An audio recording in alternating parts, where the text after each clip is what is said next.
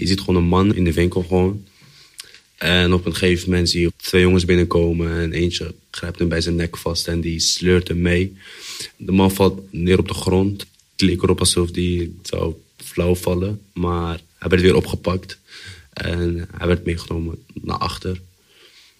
En uh, vanaf daar zag je geen, uh, geen camerabeelden meer.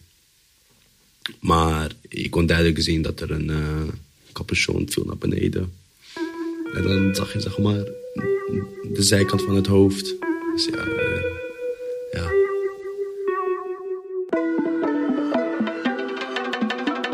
Nabil en Nahib. Twee broers van Afghaanse komaf. Gevlucht voor de Taliban komen ze op jonge leeftijd aan in Nederland. Om hier uiteindelijk allebei een andere kant op te gaan. Nahib, de oudste van de twee, werkt zich op tot hulpverlener met een HBO-diploma. Nabil besluit, na één mislukt baantje, dat er andere manieren zijn om aan geld te komen. Wat maakt de ene broer tot een schrikbeeld en de ander tot een toonbeeld van een generatie? Wat bepaalt welke afslagen we nemen in het leven? In de podcast Verklaring omtrent gedrag zoeken we antwoord op die vragen aan de hand van de levensverhalen van Nahib en Nabil. Aflevering 5. Sorry voor mijn broertje.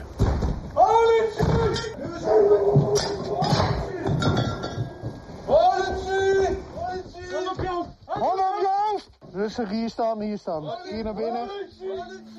Die ochtend toen zij binnenkwamen, ja, het was echt een shock voor ons allemaal. Maar ik wist, ik wist wel dat ze van Nabil waren. Het enige wat ik riep was, Nabil, wat heb je gedaan? En uh, ze gingen alles doorzoeken, onze kamers. Alsof wij allemaal criminelen waren, zeg maar. Hun doel was wel Nabil, maar... Ze zochten naar natuurlijk naar bewijsstukken en alles om mee te nemen. 7 oktober 2014. In de vroege ochtend doet een arrestatieteam van de politie een inval in een portiekwoning in de Amersfoortse wijk Kruiskamp. Nahib en Nabil worden bij die inval hardhandig van hun bed gelicht. De jongste van het gezin, Nabil, dan 19 jaar oud, wordt geboeid afgevoerd. Naast een team van vijf zwaar bewapende agenten met kogelwerende vesten staan er op verschillende plekken in de straat en rondom het huis agenten te posten. Behoedzaam voor een mogelijke ontsnapping van de verdachte. Bij de arrestatie wordt een vuurwapen in beslag genomen. Mijn moeder was helemaal het trillen en huilen en zo'n schok. Dus ik weet niet wat ik voor mezelf heb gedaan. Ik, ik weet wel dat ik van mijn ouders was, echt. En uh, mijn werk afgebeld. Vanaf die dag begon het hele proces. Ik ging naar het politiebureau. En dan word je overhoord. En na drie dagen ga je dan tijdelijk ga je ergens zitten. Nou, ik moest een maand moest ik in Nieuwgein zitten met alle beperkingen. A, B, C, D. Dat betekent geen contact met mede-gedetineerden, geen tv, geen krant, geen radio, geen muziek. Dus ja, alleen maar boeken lezen over Harry Potter en zo uh, heb ik een maand lang gedaan. Terwijl Samana, Nahib en hun ouders in shock achterblijven... is Nabil geboeid afgevoerd naar een politiecellencomplex in Houten. Daarna moet hij achtereenvolgens in de penitentiaire inrichtingen van Nieuwegein en Almere... zijn voorarrest uitzitten. Wachtend op de rechtszaak die het Openbaar Ministerie tegen hem heeft aangespannen. In eerste instantie nog voor twee gewapende roofovervallen. Als jij doorkrijgt dat je 90 dagen nog in voorarrest moet zitten... dat gaf me alleen maar bevestiging. Als zij nu 90 dagen aan onderzoeksgeld aan jou willen uitgeven... want het kost echt heel veel geld. Hè? Als zij dat al gelijk geven zonder te aarzelen... dan ben je gewoon een zaak. Het was zeg maar alsof mijn eigen kind weg was. Ik heb sowieso een echte moederrol. Ik ben soms moeder van mijn moeder, moeder van mijn vader. Mijn ouders zijn ook een paar keer ziek geweest in het ziekenhuis gelegen. En ik zorg voor mijn ouders ook. Dus bij Nabil heb ik dat ook heel vaak. Vroeger was heel erg, zeg maar. Ik, had, ik was echt altijd beschermend. Dat heb ik nu een beetje wel losgelaten. Want ik, ik moet ook vertrouwen in mijn broertjes dat het wel goed komt, zeg maar. Maar met mijn ouders ging het heel slecht toen. Mijn ouders waren echt wakker elke dag. En ik wilde contact met Nabil. Maar we mochten geen, we wisten niet waar hij was. Ik heb gebeld, verschillende gevangenissen hier, jeugddetenties, volwassen detenties. Nee, we, kunnen geen informatie geven. Ik weet niet, ik voelde mezelf verantwoordelijk. Ik, ik, en ook mijn ouders natuurlijk, die waren zo van... Die zeiden elke keer van, ja, we moeten Nabil spreken, we willen Nabil spreken. Waar is hij? Wat is er met hem gebeurd? Want Nabil is nooit weg en dan in één keer is hij twee weken weg en we weten niet waar en we krijgen geen informatie. Dus uh, ja, toen heb ik het uh, ja, opgepakt. Toen ik in het politiebureau zat, als die gedachten kwamen van hoe zit mijn moeder en vader nu in de woonkamer, uh, de bezoek die eraan komt en ik kreeg gewoon tranen in mijn ogen. Maar je probeert er gewoon niet aan te denken. Zo je weet gewoon dat uh, je moeder gaat huilen en je zal gewoon de pijn in haar ogen zien van... En je, je, weet gewoon dat je haar niet kan vertellen, ik ben over een maand thuis. Je moet haar gewoon op een of andere manier duidelijk maken van...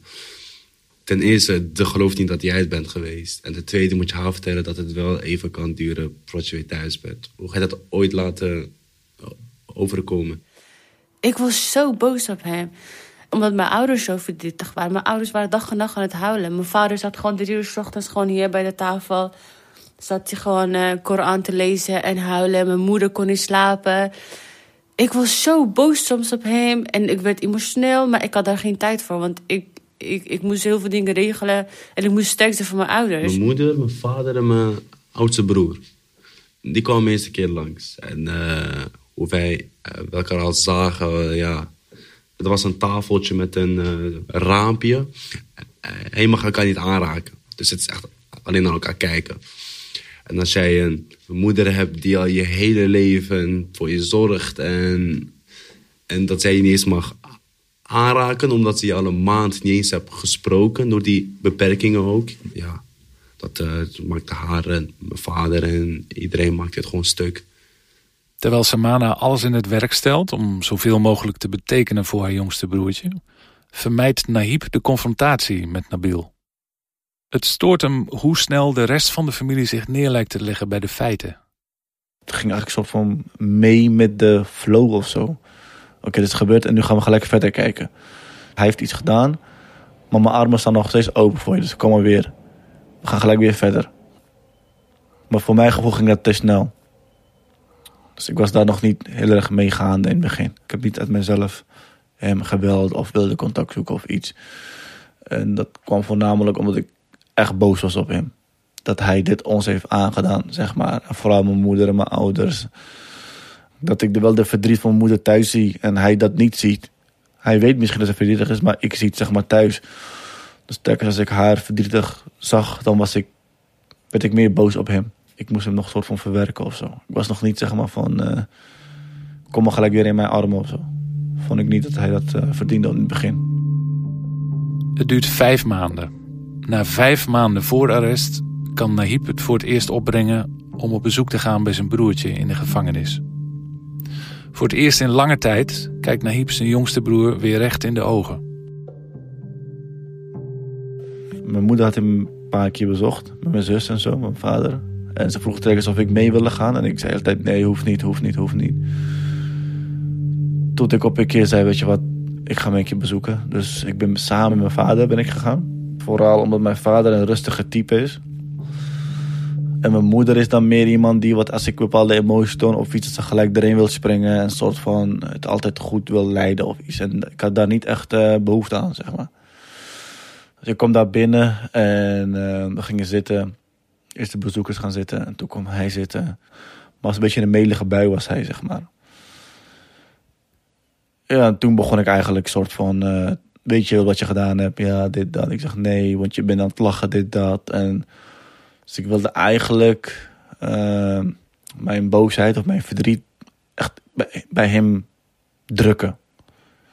Blijven drukken. Hem laten beseffen van wat hij gedaan heeft. Wat, hoe het thuis gaat Dat mijn moeder wel gewoon bij je is bij bezoek. En dat misschien vrolijk doet of gewoon, luchtig doet. Maar dat, dat, dat je gewoon hem eigenlijk soort van laten zien van in wat voor wereld ik ben achtergelaten na jouw daden. Ik heb ook toen gehuild, zeg maar. Terwijl ik op het aan het praten was. Hij is eigenlijk verder niks. Hij was gewoon stil. En ik zag ook dat zijn hele vibe of mood uh, instelling helemaal veranderd was. Hij even stil was ook eigenlijk. Nabil had een gesprek met iemand van de onderzoek van de zaken. En uh, ja, daar mocht ik bij zitten. En uh, toen hebben ze mij alles laten zien. Ze hadden zo'n dossier. Toen lieten ze mij allemaal foto's zien. En uh, Nabil was er ook naast mij. En uh, en dat en dit. En hier hebben we bewijs, hier hebben we bewijs. Ben jij dit, ben jij dit. Dus toen heb ik wel heel veel dingen meegemaakt en gezien toen, ja. Ja. Mm. Het was wel heftig. Ik herkende hem ook niet, zeg maar, in bepaalde situaties. Herkende ik hem echt niet. Dames en heren, de rechtbank. Nadat hij een half jaar in voorarrest heeft gezeten, moet Nabil voorkomen. Neemt u plaats. De zitting van de rechtbank is geopend. De rechtbank ziet dat de verdachte vandaag aanwezig is. Evenals een advocaat. De officier van justitie eist voorwaardelijke jeugd-TBS, ook wel pij genoemd, en één jaar jeugdgevangenis tegen de dan 19-jarige Nabil. In plaats van twee delicten wordt Nabil, zo blijkt bij de tweede proforma-zitting, aangeklaagd als medepleger van tenminste vier diefstallen of pogingen daartoe, waarbij geweld is gebruikt. Nabil ontkent het ten laste gelegde, maar het bewijsmateriaal is overtuigend. Officier moest ook met iets heel goeds aankomen natuurlijk. Heeft ze de beamers naar beneden laten gaan, echt vijf grote beamers. En heeft ze een van die zaken heeft ze beeld laten zien. En op uh, die beelden, wat, die twee overvallen zien, waarbij als je mij gewoon kent, dan herken je ook gewoon dus de zijkant, zeg maar. Maar die beelden waren best wel heftig. We hebben best wel dingen dat ik dacht van, wie is dit? Was een kassa, was een vrouw, zeg maar, die... Uh, die Nabil had vast, vast, zeg maar, of ik weet niet... dat ik toen die beelden zag, was een soort van... van... hoe kan je zo zijn? Ik zag uh, een uh, jongen lopen... Uh, geen slaande beweging, werd niet geslagen of iets. Uh, het was echt een minuutje. Ze kwamen binnen, ze kregen het geld niet en ze gingen weer weg. Dus dat is wat ik zag. Dan moet ik wel zeggen, dat is heel vreemd. Ik zat daar met mijn moeder. En de slachtoffer zat naast mij. Dus diegene die in de winkel was, zeg maar. Die zat naast mij. Dat was volgens mij een meisje van 17, 16. En die zat naar het beeld te kijken. En op een gegeven moment kwam ook tranen. En dus dat ik keek naar rechts en ik zag aan haar zeg maar, dat, het haar wat deed. En uh, dat was wel voor mij van oké, wow. En ik keek dan ook naar mijn moeder, zeg maar. En die keek ook naar het beeld gewoon. En ik keek ook naar mijn broertje, want hij zat daar. Ja, je moeder, die herkent je uit duizenden. Die herkent je loopje, die herkent hoe je je handbewegingen maakt en hoe je je hoofd gewoon... Die kent je als de beste. Ik denk dat zij toen wel de bevestiging kreeg van... Kijk, zij zou altijd nee zeggen. Hij was het niet. Maar die van binnen weet ze wel heel goed wat ze zag.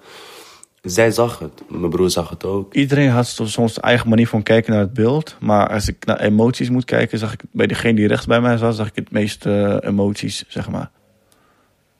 Um, daarna was het beeld klaar en toen werd het verder overgenomen door advocaat en, en de rechter. En ik vond het alleen wel heel raar dat ik, dat ik naast diegene zat, zeg maar. Het leek alsof ik soort degene, degene moest zeggen van sorry voor mijn broertje. Dat gevoel had ik, maar aan de kant dacht ik, waarschijnlijk maak ik het groter dan als ik nu beter mijn mond gewoon hou. Op het moment deed dat niet zoveel met mij. Toen ik in de rechtszaak zat uh, uh, en ik het aanhoorde, zeg maar, de getuigenverklaringen. Volgens mij wou eentje het zeg maar, lezen, maar volgens mij toen ze mij zag, kon hij of zij, ik weet niet meer of de man of vrouw was, ik wou ook niet naar haar kijken. Ik dacht van, je moet niet kijken en blijf gewoon voor je kijken. Gewoon. Maar zij kon het niet vertellen of hij kon het niet vertellen, dus ging de officier het voorlezen. En ik weigerde mezelf om te luisteren van de schaamte die je had van... Ik heb iemand zijn leven volgens mij kapot gemaakt zo te horen. Alleen ik wilde, ik wilde er gewoon niks van weten. Ik, ik, ik, uh, ik, uh, ik, uh, ik, ik, kan me, ik kan me nog niet daarop focussen. En in de maand daarop zei ik tegen mijn advocaat van... van ik zou graag die verklaringen van u willen lezen. Maar ik, uh, ik las het en uh, het was best heel erg aangrijpend. Hoe kan je dit doen en dan vervolgens thuiskomen? Hoe, hoe je weet dat jouw zus gewoon daar werkt, niet daar, maar gewoon in de winkel werkt. Hoe zou jij vinden als iemand binnenkomt voor die paar centjes en mij zo behandelt en mij en, uh, en een wapen tegen mijn hoofd houdt. Ik zeg, hoe zou jij dat... Wat, uh, ja, hij zegt, ja, ik zou, ik zou gek worden. Ik zou echt gewoon mensen... Hè? Dus hij werd echt gewoon daardoor... Maar ik wist wel dat ik altijd de familie moest soort van gebruiken om hem te laten beseffen. Want Nabil heeft alleen wij en hij houdt heel veel van ons. Dus op dat moment maakte ik gebruik daarvan. Hoe zou jij vinden als mama in supermarkt was en dit was gebeurd bij haar? Ik gaf hem altijd de voorbeelden daarvan. En ik denk dat hij echt, echt gewoon in heeft gezien van... Yo, het kan echt mijn zus zijn. Het kan echt mijn... Hoezo dacht ik daar niet aan? En hoezo, hè?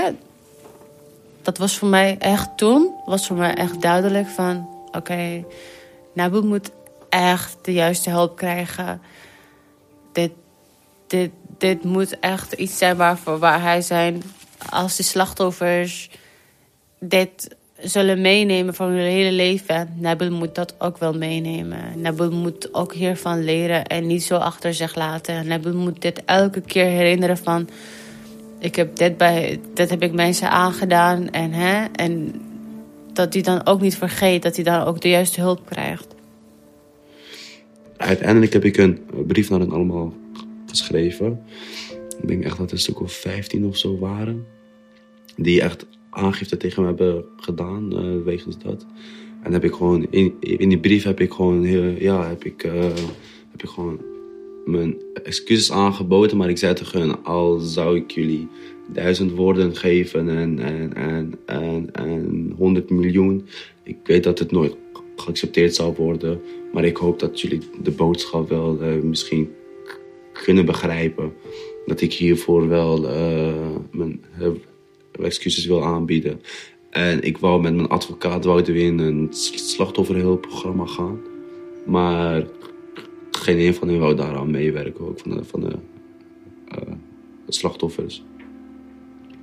En ik uh, zie ze nog wel soms.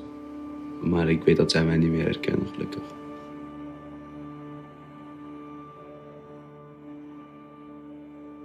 Als onderdeel van het gerechtelijk onderzoek wordt Nabil ook psychologisch onderzocht. Zowel door een psycholoog als door een psychiater.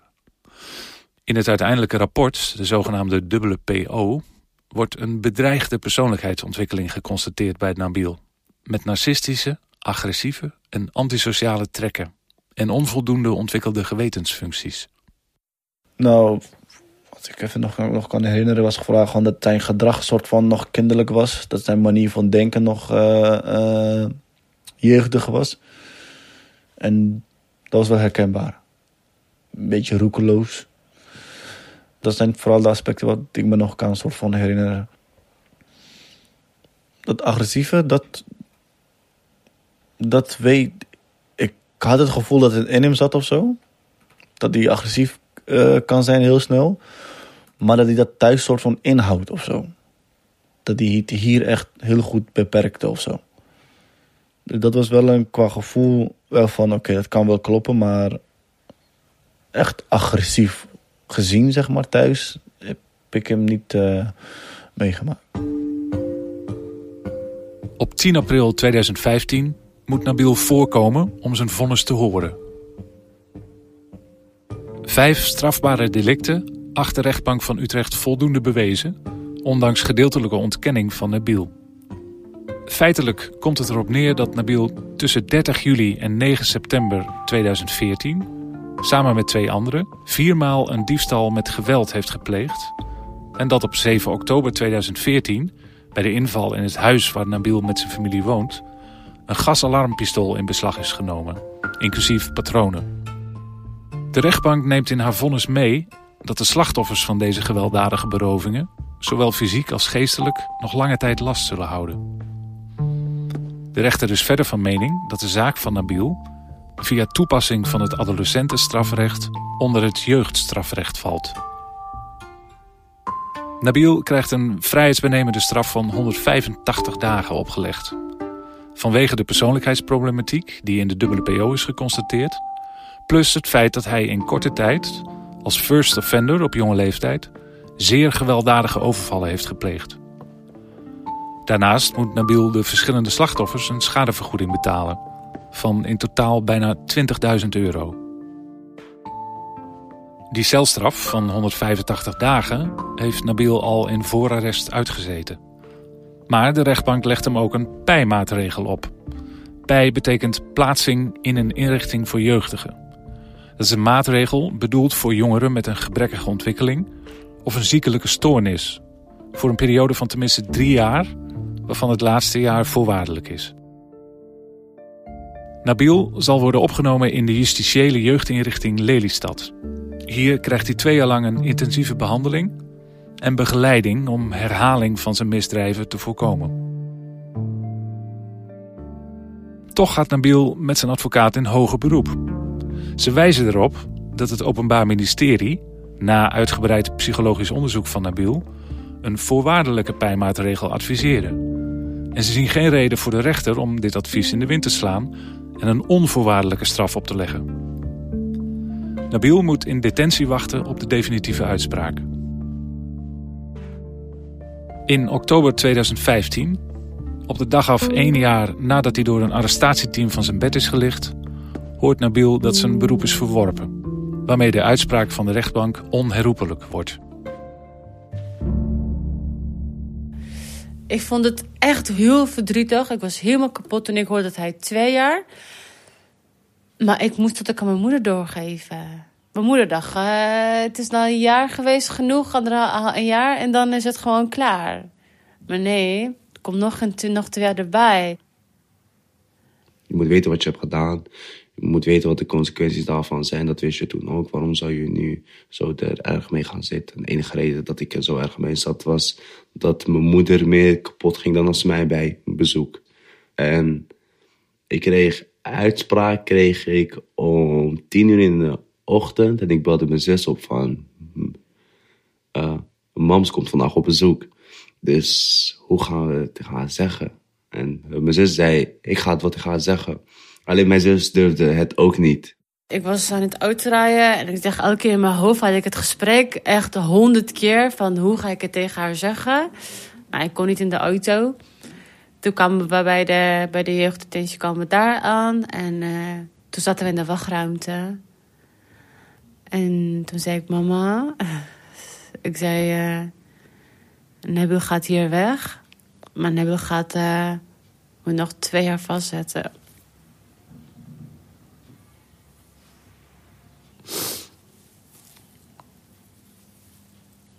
En mijn moeder dacht dat hij vrij zou komen. Nou, toen, toen ging mijn moeder naar. Toen wij naar binnen gingen, zeg maar. En er was nog een andere familie met wie we echt goed waren. Hun zoon zat er ook. En toen Nabil kwam en mijn moeder begon te huilen. En, en ja, het moet geen kapot.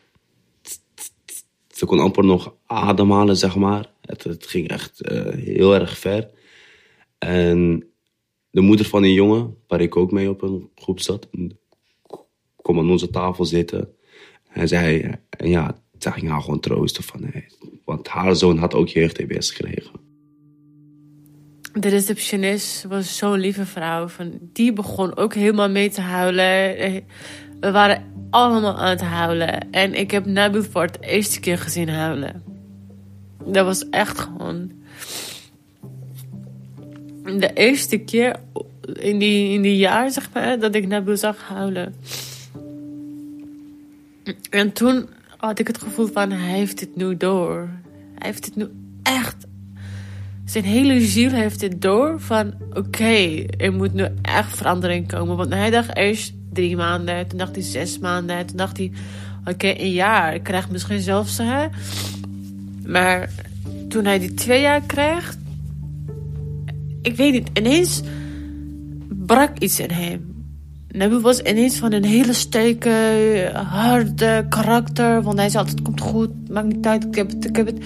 Was echt zo van, nee, ik, uh, dit, dit is echt buiten zijn macht, zeg maar.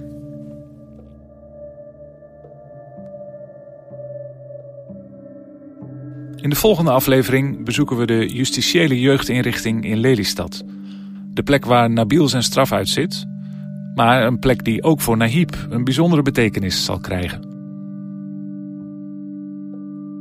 Verklaring omtrent gedrag is gemaakt door Sjoerd Litjens en Jan-Paul de Bond. In opdracht van het lectoraat Kennisanalyse Sociale Veiligheid van Hogeschool Utrecht.